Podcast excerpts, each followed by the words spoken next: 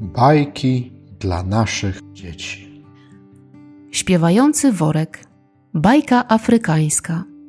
Daleko, daleko stąd mieszkała pewna dziewczynka. Każdego poranka razem z koleżankami z wioski szła do źródła, żeby przynieść wody na cały dzień. Pewnego razu podczas takiej wyprawy miała ze sobą orzeszki ziemne. Daj nam trochę, prosiły koleżanki. Nie, jestem głodna i sama je zjem, odpowiedziała i rzeczywiście nie podzieliła się z nimi.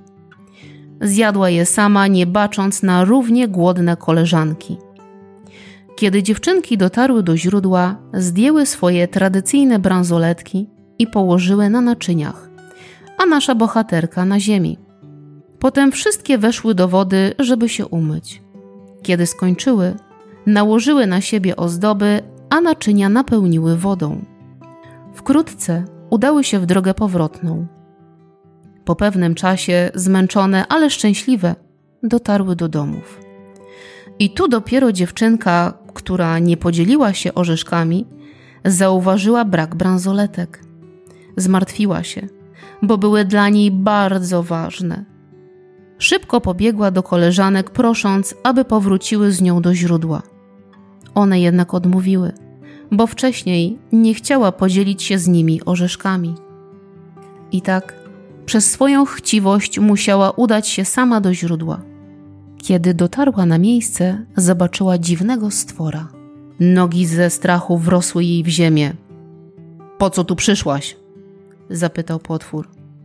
Zostawiłam tu bransoletki, odpowiedziała drżącym głosem. Zaczęła się rozglądać, a wtedy potwór wrzucił ją do worka. Wór zarzucił na plecy i udał się do najbliższej wioski po jedzenie, ponieważ był głodny. W każdej rodzinie kazał śpiewać dziewczynce uwięzionej w worku. W nagrodę dostawał żywność, którą sam zjadał. I tak mijały dni. Pewnego razu potwór trafił do wioski ciotki dziewczynki. Worku, worku, zaśpiewaj pięknie, a gospodyni nas wynagrodzi, powiedział. Gdy kobieta usłyszała śpiew, natychmiast rozpoznała głos zaginionego dziecka. Dobrze, dam ci jedzenie, ale najpierw musisz mi przynieść wody ze źródła, powiedziała i wręczyła mu dziurawy pojemnik. Potwór pobiegł po wodę, ale naczynie napełniało się z trudem. W międzyczasie ciotka ukryła dziewczynkę, a do worka włożyła ogromny kamień. Potwór, gdy tylko otrzymał żywność, natychmiast opuścił chatę i udał się w dalszą drogę. Wkrótce trafił do innej rodziny i tam znowu nakazał workowi śpiewać.